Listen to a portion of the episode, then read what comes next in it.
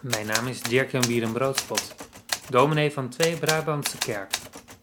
Ik lees je een column voor van geloofswoorden.nl Over Noach en zijn regenboog. In mijn vorige column wierp ik Noach en de belofte dat er nooit meer een zondvloed zou komen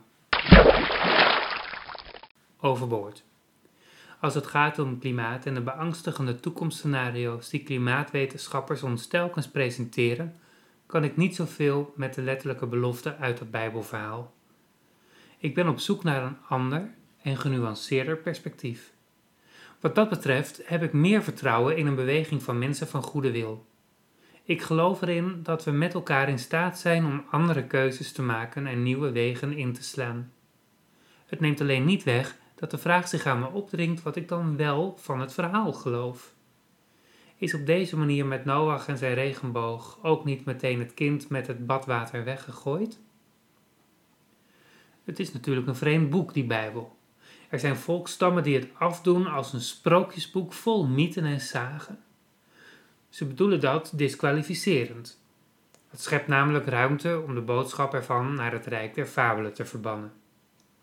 Maar wat zou er gebeuren als we het daadwerkelijk zouden lezen als mythen en zagen? We samen met dominee Nico Terlinde zeggen dat het wel waar is, maar niet echt gebeurt. Ik denk dat het heel veel ruimte schept. Het ontslaat ons in de eerste plaats van die eeuwige en potsierlijke bewijsdrang dat het allemaal waar is. Want wat nu, als een expeditie naar de berg Ararat als resultaat heeft dat de ark van Noach daar daadwerkelijk is gestrand.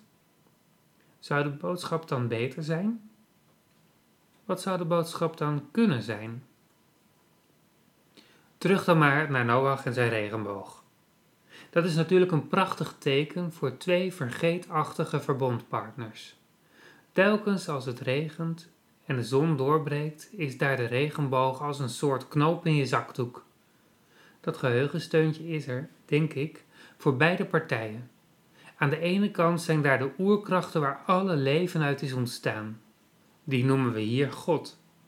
Die krachten zijn sterk, kunnen verwoesten, maar zijn niet zelfvernietigend. Aan de andere kant staan wij, samen met alle levende wezens of zelfs heel de aarde. Dat verbond tussen God en aarde veronderstelt een samenwerking. Het betekent dus dat wij in die hele schepping zelf een aandeel hebben. Dat is dus wat anders dan ervan uitgaan dat God al onze wanprestaties onder het tapijt wegmoffelt. Het zorgt er ook voor dat ik niet denk dat klimaatverandering daarmee niet zo'n vaart loopt. Het is aan ons om die scheppende kracht de ruimte te geven, haar niet dwarsbomen en tegen te werken. Die krachten staan niet tegenover ons zolang we ze zien als verbondspartner. Maar zolang wij onszelf heer en meester over de aarde wanen, maken wij het leven onmogelijk. De regenboog, de droogte, de stijgende zeespiegel, ze zijn een wake-up call.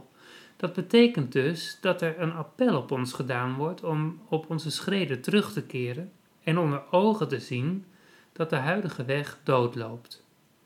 Natuurlijk, al die doemscenario's hebben uiteindelijk niet het laatste woord. Daarvoor zijn die scheppende krachten te groot. Het is alleen de vraag hoe lang wij daar nog tegenin willen gaan en ten koste van hoeveel slachtoffers. De natuur, het milieu, de hele aarde schreeuwt om een antwoord en herinnert ons aan het verbond dat wij zijn vergeten.